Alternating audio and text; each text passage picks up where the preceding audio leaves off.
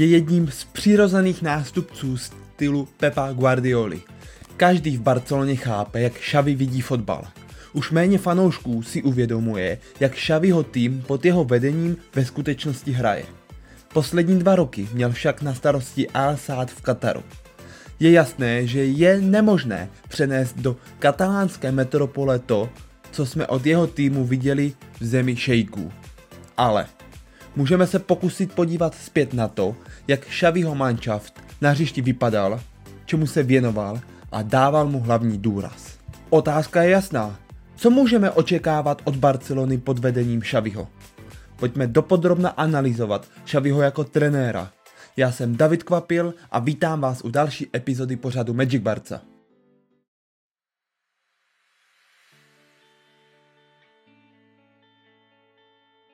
Pep Guardiola byl a je považovaný za nástupce zesnulého legendárního Johana Krajfa. Řada z fanoušků doufá, že Xavi půjde v Guardiolových stopách. Xavi vyhrál nespočet ligových pohárových titulů, stejně jako mistrovství světa a dva evropské šampionáty. Podle všeho měl údajně odmítnout nabídku nahradit Ernesta Valverdeho před jmenováním Setiena, protože věřil, že nenastal ten správný čas. Mimo jiné měl blízko k zesnulému Luisi Aragonésovi a pracoval pod vedením Luise Vangála a v úspěšných týmech vedeným Frankem Rijkaardem a Vincentem Del Boskem, než si užíval nejúspěšnější roky své kariéry pod vedením Pepa Guardioli. Xavi rád komunikuje se svými hráči jeden na jednoho a věří, že emoční inteligence jeho hráčů je stejně důležitá jako jejich technické schopnosti, taktické povědomí a fyzická kondice. Pep nás všechny udělal lepšími, řekl Xavi o Guardiolovi, který byl také jeho předchůdcem ve středu zálohy Barsi. Xavi podepsal s Al Sadem v roce 2015. Strávil zde čtyři sezóny jako hráč, než se ujal funkce trenéra. Za tu dobu se přístup týmu značně vyvinul a změnil. Xavimu týmu nejde jen o držení míče, to bychom mluvili o lži. On chce totiž absolutně dominovat v každém aspektu hry. Dominovat v každé jednotlivé fázi hry. Když jeho hráči nemají míč na svých kopačkách, chtějí být ještě více intenzivní a získat ho zpět za všech okolností. V Kataru je povoleno mít v týmu pět zahraničních hráčů a zbytek v klubu jsou místní.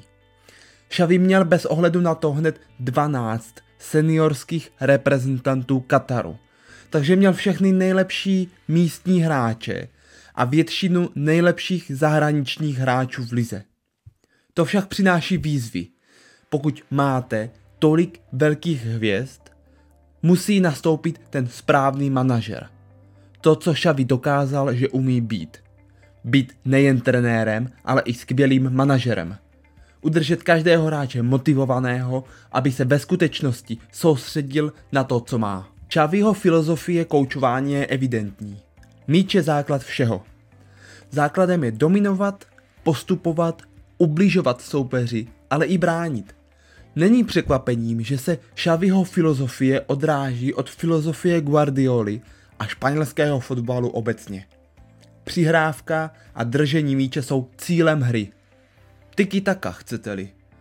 Xavi se snaží využít pohyblivosti svých hráčů a neustále se pohybujících v trojúhelníkových formacích v útoku. Vzadu je klíčem obrana ve vysokém bloku. 4-3-3 nebo 3-4-3. To jsou Xaviho hlavní formace. Xavi Hernandez začal vést al ve formaci 4-3-3. Systém, který mu byl známý po celou dobu jeho kariéry. Vyvinulo se to však na 3-4-3 s určitými taktickými variacemi v závislosti na rozdílnosti fázy hry. Ve formaci 4-3-3 jsou krajní obránci na lajně v maximální šířce.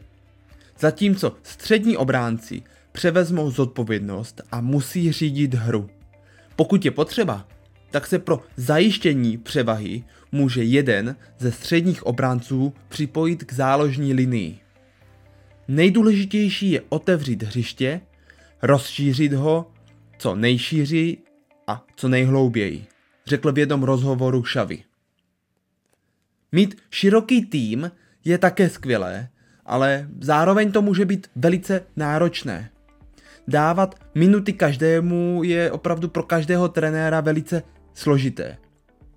Z 32 hráčů v katarském Al-Sad však pouze jen dva neodehráli pod Kšavím ani jednu minutu. Co mě také překvapilo, bylo délka jejich smluv, protože pokud se podíváme na jejich eh, délku smluv, tak téměř každý hráč měl podepsanou smlouvu na 4 roky. V podstatě to znamená, že žádný hráč nemusel hrát pod nějakým extrémním tlakem. Nejen, že měl Xavi hloubku svého týmu, že měl dostatečný počet hráčů, se kterými mohl pracovat, ale také jsou zajímavé roky. Věk jejich hráčů, protože Xavi pracoval s hráči od 19 až po 40 let. Xavi zkrátka ví, co od každého hráče požaduje na každé pozici. I když si tyto pozice hráči mohou vyměnit, levý křídelník může nastoupit na pravém křídle, tak každý je obeznámen s odpovědností své role a svého spoluhráče.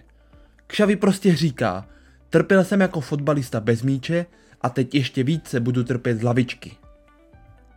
Šaviho víra v útočný fotbal se opírá o přesvědčení, že čím déle má tým držení míče, tím blíže k vítězství zůstane ale zároveň respektuje i jiné přístupy a dokázal, že umí pochopit to, že během zápasu jeho tým potřebuje být schopný přizpůsobit se vývoji utkání a samotnému soupeři.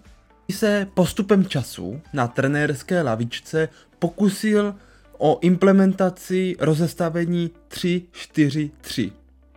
Ačkoliv v Al-Sad se soustředil především na rozestavení 4-3-3 nebo 4, 2, 3, 1. Nebo chcete-li 4, 1, 4, 1. V průběhu sezóny 2019-2020 Al-Sad měl v průměru držení míče 63%, což bylo suverénně nejvíce v katarské nejvyšší soutěži. Pokud soupeři preferují pressing se dvěma útočníky, Xaviho tým zůstane ve formaci 4 3-3. Pokud však se pustí do napadání se třemi útočníky nebo se třemi útočícími hráči, přejdou do rozostavení 4-2-3-1, aby vytvořili, nebojím se říct, dva defenzivní záložníky.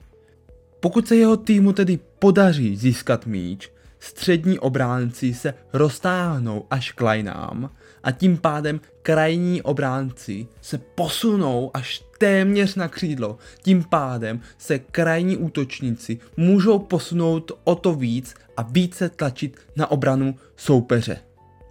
I když se tedy jeho hlavní formací stala ta ve složení 4-3-3, hodně tyto pohyby a změny připomínají rozestavení 3-4-3. A právě to můžeme očekávat i v Barceloně. Jeden z aspektů hry, o který se Xavi nejraději stará a ve kterém dělá rozdíl jako trenér, je to, že se snaží ve všem získat převahu.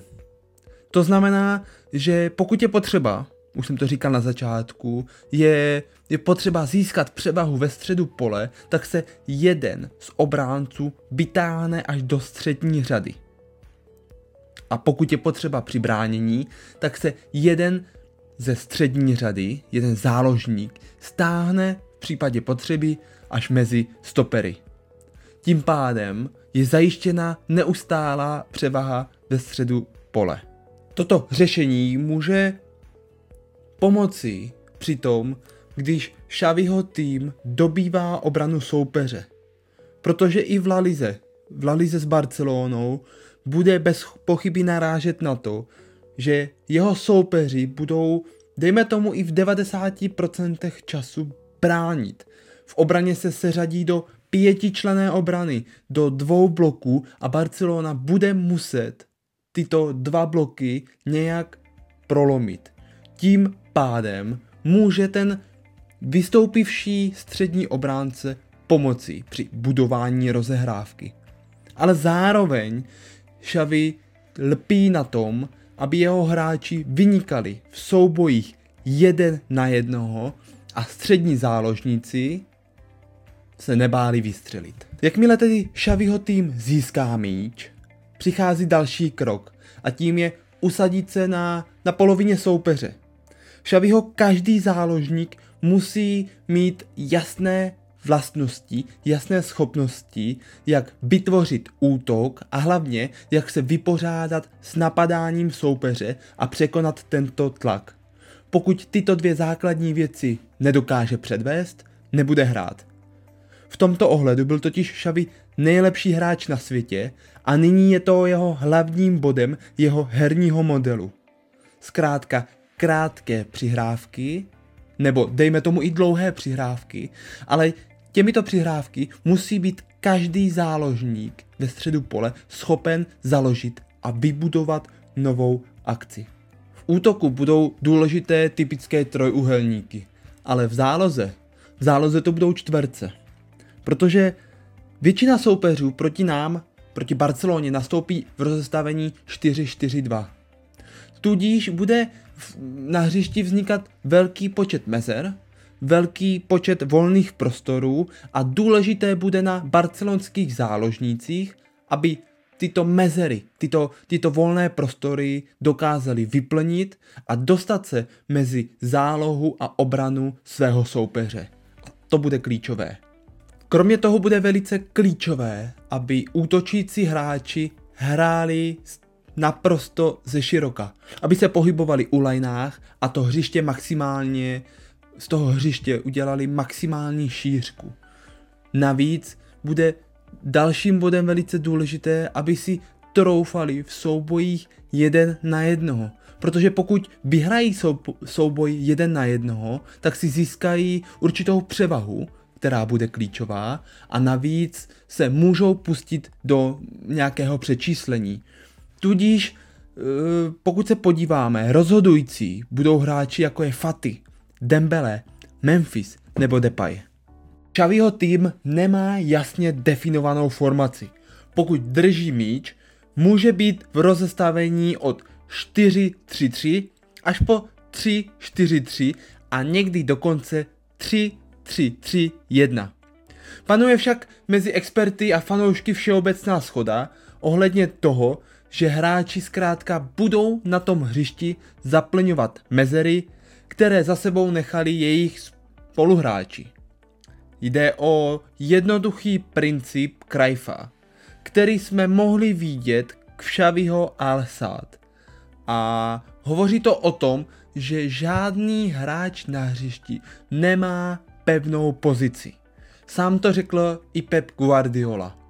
Formace jsou pouze telefonní čísla. To byla jeho citace.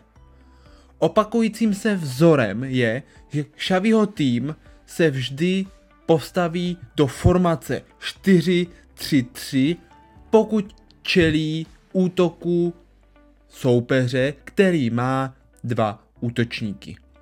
Pokud nám to zní povědomně, už jsme to někdy viděli, tak právě Krajfovi týmy dělali totež.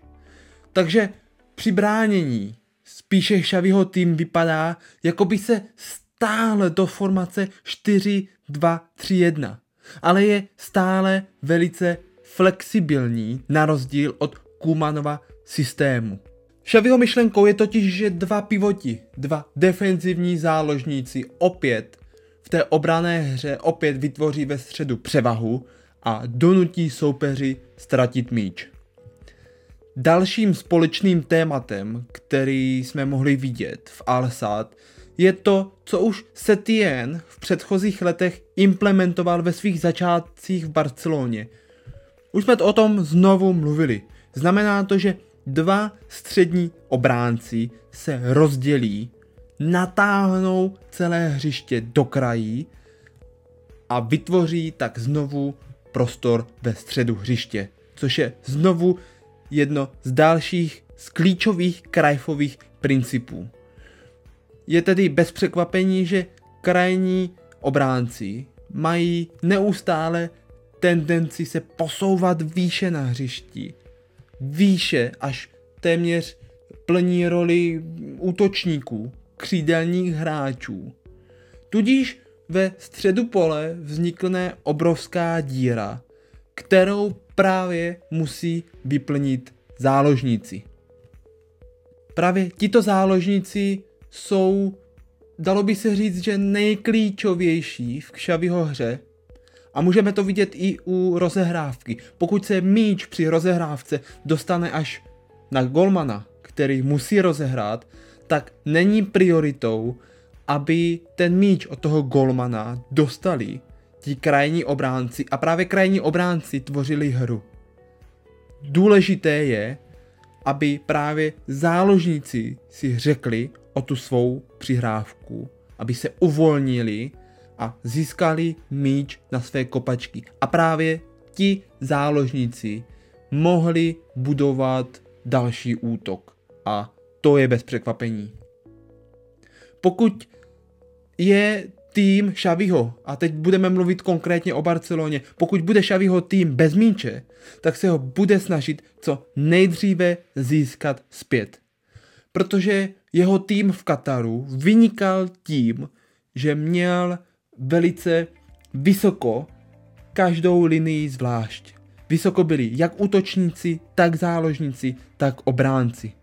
A nebylo to pouze o nějakém individuálním napadání. Mluvíme, tom, mluvíme o kolektivním napadání. O tom, že, že se řekne, že se bude napadat, ale napadat bude celý tým. Tudíž je důležité, důležité, důležité je ten moment těsně po ztrátě míče. To je ten kritický moment. Protože přiznejme si to, že jedním z Xaviho hlavních problémů byl ten defenzivní přechod. Pokud se soupeři podařilo projít Al-Sad e, tou záložní řadou, pokud ten přechod trošku zrychlili, tak v ten moment byli v problémech. Tudíž vlastně Al-Sad byl ofenzivním týmem. A přiznejme si to znovu, že měl častokrát problémy s bráněním, s návratem do té defenzivní fáze. Tudíž to vyřešil velice jednoduše. Pokusil se napadat a vzít míč už velice vysoko na polovině soupeře. Ten tak byl obvykle velice agresivní a snažil se vytvořit co největší tlak na hráče, který rozehrává, aby neměl na výběr a míč nejlépe musel buď zakopnout do zámezí, anebo aby ho potom mohli získat hráči svěřenci Šaviho. Zároveň při tomto napadání bude velice důležité vyhrávat osobní souboje. A zde bych vypíchnul jména, které budou extrémně důležité. A tím je Araujo v obraně, ale zároveň také Nico, Pedri a Gavi. A ty by měl ze zadu tak trošku korigovat Frankie de Jong a Sergio Busquets. Vypadá to na celkem dobrý mix, který eh, pokud se při ztrátě míče velice rychle aktivuje a pustí se do toho napadání a bude působit kompaktně, tak eh, ty míče by měl velice, velice rychle při ztrátě, při ztrátě získávat. Ale musí být, musí být aktivní. Stejně jako Alsad, tak i Barca budou útočit a bránit jako jeden tým. Což vyžaduje, aby při ztrátách míče došlo rychle k jeho navrácení, protože Barcelona se bude snažit o drtivou dominanci držení míče, což je významnou součástí celé filozofie Barci. Když byl Xavi aktivním hráčem, tak se ve středu zálohy pohybovali tři záložníci. A právě i ty tři záložníci se velice významně podíleli na tom napadání, na tom agresivním protitlaku, aby si právě vytvořili a donutili soupeře k chybným přihrávkám a vyhnuli se nějakým osobním soubojům, přímým soubojům ze soupeři, které mohly a velice pravděpodobně velik, tam byla veliká pravděpodobnost toho, že ty osobní souboje, dejme tomu i třeba o hlavu, většími, silnějšími hráči prohrají. Proto se budou znovu i teď v současné Barceloně pokusit vytvořit nějakou past a donutit soupeře chybě. To bude hlavní záměr. Protože pokud se znovu podíváme na ty čísla, na ty statistiky Al-Sad, tak ten tým vícekrát zachytil nějaký ztracený míč, než že by si ho přímo vybojoval. Přímo vybojoval. A znovu to záleží na té hře. Na té hře třech středních záložníků. Protože právě i oni budou muset vyvíjet vysoký tlak až u branky svého soupeře. Ale zároveň musí být někdo připraven, pokud, pokud to nevíde. Pokud se, dejme tomu, trojce útočníků trojce záložníků pustí do rychlého napadání, do vysokého aktivního napadání, tak musí být připravená a vytvořená druhá linie, pokud by to nevyšlo. A tady přichází na řadu obrana, kdy i ta obraná řada musí být velice vysoko a zachytávat ty míče. Přerušit, dejme tomu i faulem, ten vznikající protiútok soupeře a takhle to musí fungovat. Pustit se do rychlého napadání, ale zároveň ta obraná linie musí být připravena stejně tak vysoko. Velkou odpovědnost při tom napadání budou mít také tři útočníci. Tři útočníci, kteří budou napadat, budou napadat tu obranu. A jednoduše řečeno, ta obrana soupeře bude mít většinou čtyřčlené složení. A proti ním se spustí tlak tří útočníků. Jednoduše řečeno, střední útočník půjde po stoperovi, dva krajní útočníci půjdou po krajních obráncích a tím pádem nám tam zbývá jeden volný stoper, jeden volný střední zál obránce. Tudíž zde vzniká prostor pro to, aby se jeden v uvozovkách řečeno ofenzivní záložník Barcelony vysunul dopředu a vytvořil ještě větší tlak na tu obranu a zaplenil to volné místo, vytvořil tlak na toho posledního zbývajícího hráče v obraně a ten, aby třeba udělal chybu. Tak to je úplně jednoduchý princip, tak, jak by Barcelona pod Xavim mohla teoreticky napadat. To bylo několikrát řečeno. Xaviho hra si zakládá hlavně na převaze. A mluví to jenom o tom, že Xavi při útočení chce, aby jeho hráči byli v početní převaze, převaze, aby si ji snažili vytvořit. A mluví to opět o všem, že ti hráči budou muset častokrát podstupovat souboje jeden na jednoho. Budou muset projevit ty své individuální kvality, aby se do té převaze, aby se do té převahy jednoduše dostali. A Xavi má úplně jednoduchý princip, podobný jako má Pep. Cílem je si v útočné fáze, fázi vytvářet ty situace 3 na 2, 4 na 3.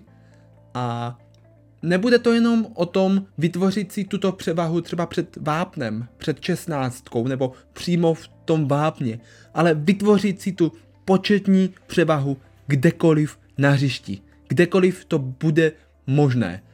Protože pokud tam Barcelona bude mít o jednoho hráče více na tom prostoru, tak je vysoká pravděpodobnost, že ten souboj, že tu eh, herní část dokáže dotáhnout do úspěšného konce, dokáže se osvobodit, dejme tomu i od rohového praporku, dokáže se ve středu hřiště prokombinovat až na útočnou polovinu. Je velice pravděpodobné, že Xavi se rozhodne v Barceloně nadále používat systém 4-3-3. Tím pádem budou velice důležití dva střední obránci. Vsadil bych na to, že Xavi se rozhodne a bude stavět na Erikovi Garciovi a Ronaldovi Arauchovi. Na těchto dvou hráčích bude v obraně stavět, protože Garcia má, má v noze opravdu klenot, dokáže, dokáže ty útoky, dokáže ty akce postupně tvořit, nebojí se vyvést míč, opravdu s míčem si velice dobře rozumí, zatímco Araujo je velice rychlý, dokáže zastavovat ty protiútoky soupeře a přitom bránění bude opět extrémně důležitý. Zároveň, jak jsem říkal, Barcelona bude chtít hrát hodně ze široka, tudíž budou extrémně důležití křídelní hráči, takže můžeme jenom čekat a doufat, až se uzdraví Dembele, Faty a právě oni budou patřit do té základní sestavy a na těchto dvou hráčích se bude znovu v útoku stavět. A jenom nám nezbývá nic jiného, než čekat, když budou oba fit. Pokud se však Xavi rozhodne a bude chtít používat jakýmkoliv způsobem to rozestavení 3-4-3, tak bude muset, bude muset hledat v té záloze nějaké dvojičky. A ty dvojičky se mu nabízí. Jak do defenzivní fáze to může být Sergio Busquets s Frankie de Jongem. Už v předchozích uh, letech, měsících se celkem ukázalo, že tato dvojička by si mohla rozumět a mohla by fungovat. No a na druhé straně je potřeba si vytvořit další dvojičky, dvojičky, které budou hrát právě před Busquetsem a Frankie de Jongem. A mluvím o dvojičkách jako je Pedri Gavi, Gavi Nico a podobně. Nic jiného nám tam v současnosti nezbývá. Mnohokrát děkuji všem, kteří tento díl doposlouchali až do konce. Věřím, že se vám líbil a alespoň částečně vám nabídl pohled do hry, kterou může Xavi v Barceloně praktikovat. Budu moc rád, když moji tvorbu oceníte v komentáři, lajkem nebo se podělíte o svůj názor, který je pro mě tolik cený. Mějte se hezky a zůstaňte s Magic Barca i nadále. Ahoj!